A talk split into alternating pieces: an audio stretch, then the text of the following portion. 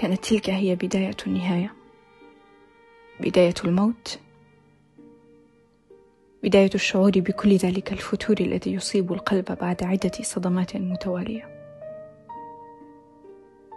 أن تعرف يوما ما كيف تنسلخ عن الواقع لفترة من الزمن.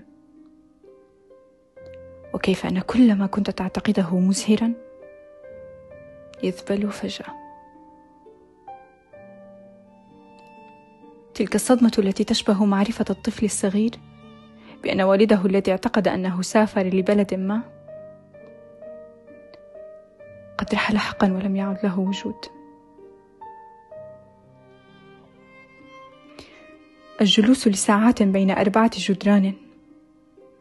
تشعر بنفسك في اللامكان.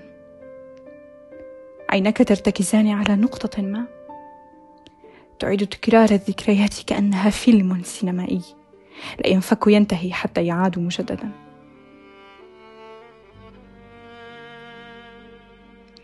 متى بدأت حقا في عزل نفسي عن الجميع لا أعرف. متى أصبحت نافذتي هي عيني الوحيدة التي تطل على الحياة. متى بدأت تلك الحالة العميقة من اللامبالاة في السيطرة علي والتشعب في خلايا جسدي. متى جف الدم في نبضي وبدأ قلبي في ضخ الجليد حتى ما عادت المشاعر في داخلي قادرة على القتال حتى أغلقت مجرى دمعي وحرمتني حق البكاء. وعندما أريد البكاء لا أعرف كل ما في الأمر أن كتلة بحجم الكون تحبس أنفاسي. ومهما طال نفسي ومهما قصر لا أستطيع الخلاص منها. كل ما في الأمر أن الصمت يتمكن مني. وحب الأنعزال يسيطر على فكري يدفعني لجانب أسود مخيف. أراه كالجنة أمام كل شيء. أحاول جلب كل الأشياء السعيدة لكن سدا من فولاذ يمنعها. أركض لاهثة محاولة تحريرها وفي كل مرة أرتطم بقوة. واقعة على الأرض دون جدوى.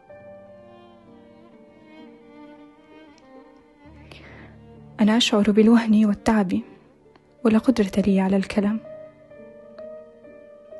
أريد أن أصرخ بكل قوة حتى يمتلئ الكون كله بصوتي. أريد أن أضرب بكل قوتي مخاوفي ودواخلي حتى تنتهي. أريد أن أركض حتى ينهار جسدي وأن أبكي حتى ينقطع صوتي. وتنتهي آخر ذرة من ذرات الهواء. أنا أنا فقط أريد أن أعلن نهاية النهاية.